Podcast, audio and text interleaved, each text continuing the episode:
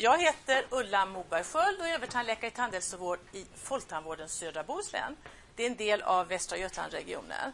Och vi är åtta kranskommuner runt Göteborg. Och där ansvarar jag för riktlinjerna för den förebyggande tandvården. Men det är inte därför jag är här, utan jag är här därför att jag i höstas försvarade min doktorsavhandling som handlade i ämnesområdet karies, kariologi, karieslära. Ser ut så. Och eh, det jag tänker göra den här lilla korta stunden, jag har en, ungefär en kvart på mig, så tänkte jag ta och presentera de allra viktigaste sakerna som jag kom fram i min avhandling. Den handlade om hur mycket karies våra tonåringar har och hur man med hjälp av olika fluorprogram i skolan kunde påverka kariesutvecklingen under den största kariesrisktiden, 13 till 16 år. Och den har rönt stor uppmärksamhet. Man har läst om den i pressen där man säger att fluortanten är på väg tillbaka. Eh, först kanske det är lite grann på sin plats att jag kan berätta hur ett hål uppstår. Hur får vi karies? Vi har bakterier på våra tandytor som använder sig av socker i vanligt socker och i vissa kolhydrater för att bilda syra. Den här syran fräter på tandemaljen och så uppstår ett hål. Och de här hålen uppstår på vissa ställen på tanden. Det kan vara i våra tuggytor, i groparna som finns nere på dem. Det kan vara efter tandköttskanten och det kan vara på kontaktytor mellan tänderna. Och I min forskning så har jag speciellt intresserat mig på de här kontaktytorna mellan tänderna. Därför att kan man hålla dem fria från hål, från karies, så kan man försöka bibehålla ett friskt bett även i vuxen ålder. Därför att just karies och fyllningar, det står väldigt mycket för framtida tandvårdsbehovet om man får karies på just de ytorna. Och då kanske ni undrar vad händer med de övriga ytorna i munnen då? De här tuggytorna, de kan man lätt försegla med ett lack så att man kan förhindra hål. Och borstar man tänderna ordentligt behöver man inte heller få hålet efter tandköttskanten. Så att det är alltså väldigt viktigt att skydda de här kontaktytorna. Och för att förhindra hål så ska man tänka på att man inte småäter och inte dricker söta drycker. Att man tillför fluor och att man håller rent i munnen. Så till resultatet av min avhandling och vilka resultat det har satt av i praktiken för oss. De två viktigaste slutsatserna det är att tonåringar har mer hål i tänderna än vad officiell statistik visar. Så att egentligen är inte våra tonåringar fullt så friska som vi tror. Och Den andra slutsatsen det är att skolan bör utnyttjas som en hälsofrämjande arena. Antingen för fluorlackning eller fluorsköljning. Och det är som ett komplement till egenvård som man gör själv hemma och till den prevention man ger patienterna på tandkliniken. Det innebär alltså att fluortanten är på väg tillbaka. Och det är med rätta. Forskningsarbetet har sträckt sig över hela 19 år. Och eh, det är fem olika kliniska studier i den. Eh, och den har gjorts på ungdomar 13 till 16 år under största kariesrisktiden i det permanenta bettet. Och då kan man fråga sig varför är 13 till 16 år en sån tid som är kariesrisktid? Jo, det är när det kommer många nya tänder upp i munnen samtidigt som man ändrar sitt sätt att leva.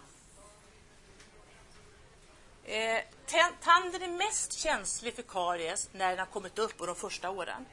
Vi brukar säga inom tandvården att eh, nya tänder är sköra tänder, gamla tänder är starka tänder. Och samtidigt i den här åldern, 13-16, så ändrar ungdomar sitt sätt att leva. De går från eh, snaskförbud i skolan på låg och mellanstadiet över till ett högstadium i full frihet. Där man till och med har kafeterier och automater med drycker och allting inne på skolan. Eh, när vi startade första studien så var det 1984. Det är länge sedan. Då var tandhälsan bland barn och ungdomar i Sverige betydligt sämre än vad det var idag. De hade mycket mer hår, våra barn och ungdomar. Och vi befarade, vi visste också att tandhälsan skilde sig väldigt mycket mellan olika landsting i Sverige. Och vi såg också att den skilde sig mellan olika kliniker inom ett och samma landsting. Fast vi kanske hade samma riktlinjer. Och Det fanns också farhågor att statistiken skönmålade tandhälsan därför att det enda som kom med i statistiken det var stora hål, alltså hål som vi kallar som finns inne i tandbenet och fyllningar. Eh, I det första arbetet därför så gjorde vi en objektiv utvärdering hur tandhälsan var på 16-åringar. Det gjordes i Bohuslän, Älvsborg och vi gjorde på sex olika kliniker. Och det anmärkningsvärda som vi fann det var att hela 80 procent av korgskadorna fanns i emaljen. Och karies i emaljen kommer inte med i någon officiell statistik. Så att de ungdomar som kanske hade en, två eller flera skador i emaljen sa vi var kariesfria. Sen gjorde vi om samma studie, samma metodik sex år senare, men på sex andra tandkliniker. Samma resultat då. Och man har även sett i andra studier att det är samma resultat idag. Så 80 procent av våra korgskador bland tonåringar, det finns i emaljen. finns inte med någon statistik alls. Och det är viktigt att veta att när ni själva går till tandvården, när era barn kommer dit, så säger man kanske så här att man har början till små hål. Eller att man sätter man har hål i emaljen. Då är det viktigt att veta att sjukdomen har redan startat. Och gör man då inte förändring, exempelvis att man drar ner på småätandet, man ökar fluortillförseln och man ser till att man håller ordentligt rent, så finns det risk att de här hålen växer och blir stora så man måste laga dem. Och vi brukar säga så här att det bästa fyllning är den som aldrig behöver göras. På 60-70-talet och även en bit in på 80-talet så fick svenska barn och ungdomar fluorsköljarskolan. Det var ska vi säga, en åtgärd som bidrog till en kraftig förbättring av tandhälsan bland barn och ungdom.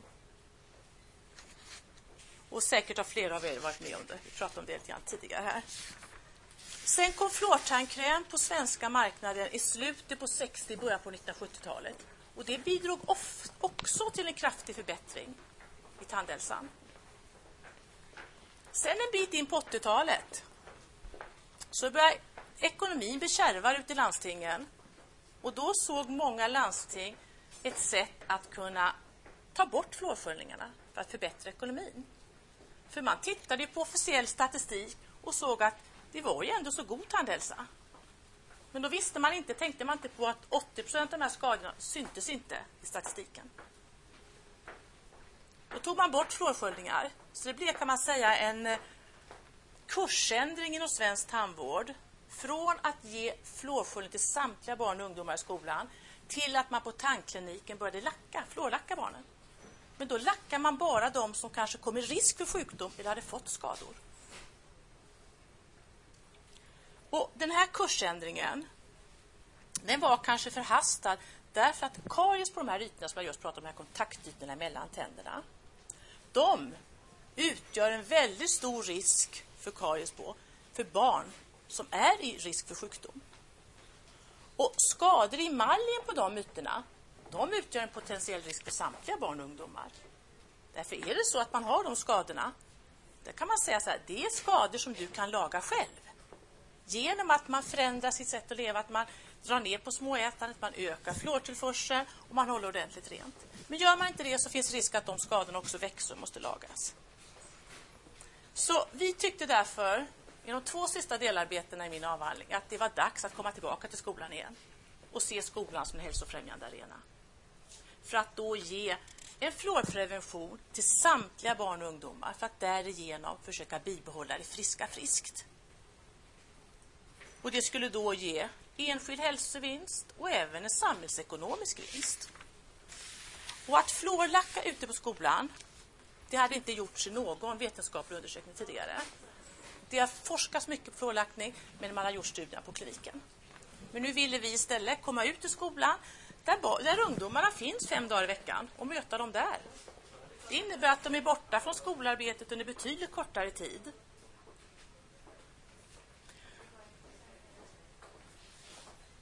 Och då lät vi 854 stycken 13-åringar från tre olika kariesriskområden och de tillhörde nio olika högstadieskolor. De slumpades in i olika grupper som fick fluorlacka med olika frekvens och sen var det en grupp som inte fick lacka ut på skolan. Sen kan man säga att det här var ett tillägg till den vanliga egenvården som de själva gjorde hemma. och till en prevention som gavs på tandkliniken. Så vi tog inte bort någon prevention från någon, men det här var som ytterligare tillägg. Eh, de lackades i tre år. Det kom två sköterskor från kliniken ut till dem med en enkel mobil utrustning som man satte upp utanför skolsköterskans rum. De kom ner från klassrummet fyra fyra. De fick borsta tänderna, man tog lite tandtråd mellan tänderna och så sen så fick de lägga sig i den här stolen och så tog man med en spruta så in lacket emellan tänderna. Efter tio minuter var de tillbaka i klassrummet. Efter tre år så visade det på ett mycket, mycket bra resultat. Så att barnen som kom från Hjällbo och Hammarkullen, som var en högriskområde, de hade 69 procent mindre mängd nya kariesskador på de här ytorna. Och det var efter att det lackats en gång på hösten, en gång på våren. Alltså bara två gånger per läsår under högstadietiden. I Mölndal var vi kallar för en mellanriskgrupp. De ungdomarna fick 66 procent mindre nya kariesskador. Och de i lågriskgruppen, det var Kungsbacka och Onsala, de fick bara 20 procent förbättring. Då kan man fråga sig varför det var så. Jo, då är det så att i Kungsbacka och Onsala har vi fluor naturligt i vattnet. Så där hade ungdomarna redan från början betydligt bättre tandhälsa genom bara att de dricker vattnet. Så vet man att man har det. Så att skolan är alltså en utmärkt arena för att kunna komma ut och fluorlacka och försöka hjälpa till att bibehålla friska friskt. I sista delarbetet så ville vi komma ut med fluorsköljning igen, men göra det på lite annorlunda sätt. Och då var det 788 stycken Mölndalsungdomar, 13-åringar, som slumpas in i olika grupper. Och efter tre år så kunde vi utläsa att de ungdomar som sköljde under de tre första och tre sista skoldagarna varje termin, de fick 59 procent mindre mängd hål på de här kontaktytorna mellan tänderna. Och det var också som tillägg till egenvård hemma och till den prevention man gav på tandklinik. Så det går även att komma tillbaka till skolan med fluorsköljning, men kanske lite på ett annorlunda sätt än man gjorde förut. Man var inne varje vecka och sköljde.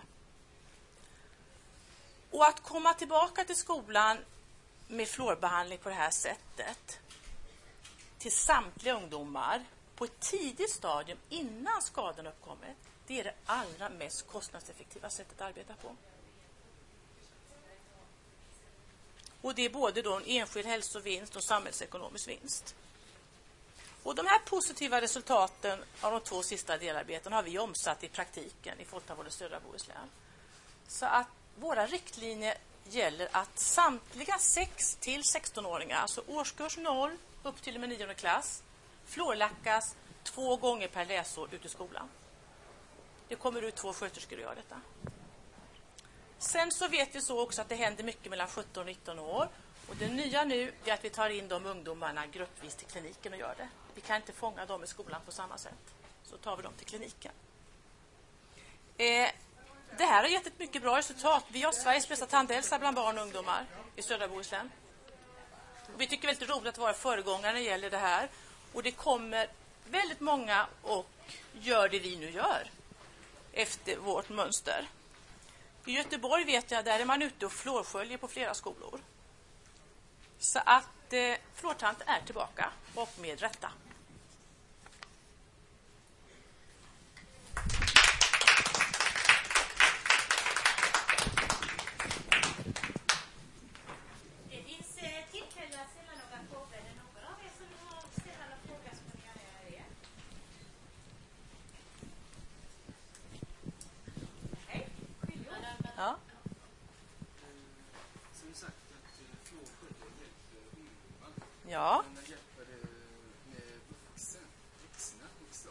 Ja, det kan man säga att fluor hjälper egentligen vilken ålder man än är i. Men man kan säga så här, egentligen så är det viktigaste på något sätt att kunna bibehålla det friska friskt. Så fluor kan alltså på något sätt hjälpa till att förhindra att du behöver göra en fyllning. Och det är klart att är du som vuxen och redan har fullt med fyllningar så det hjälper ju inte just de ytorna som redan är fyllda, men det hjälper ju då kanske att du inte får karies i skarvarna mellan fyllning och tand och det hjälper de andra tandytor du har i munnen. Rotytor exempelvis, om man som vuxen har blottlagda rotytor så är fluor väldigt bra till tillförsel. Ja. Ja, just det. Ja.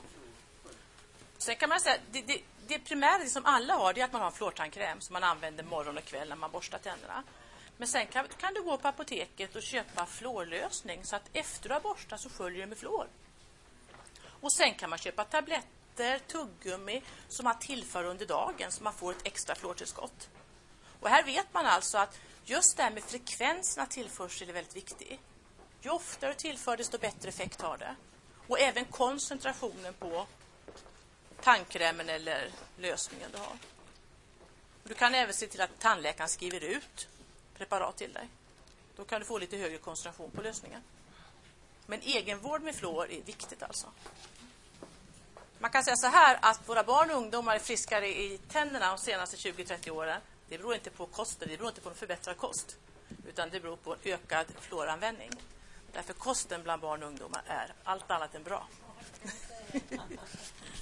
Ja, vi säger tusen tack och önskar er välkomna imorgon. Det om Alzheimer. Tack än en gång.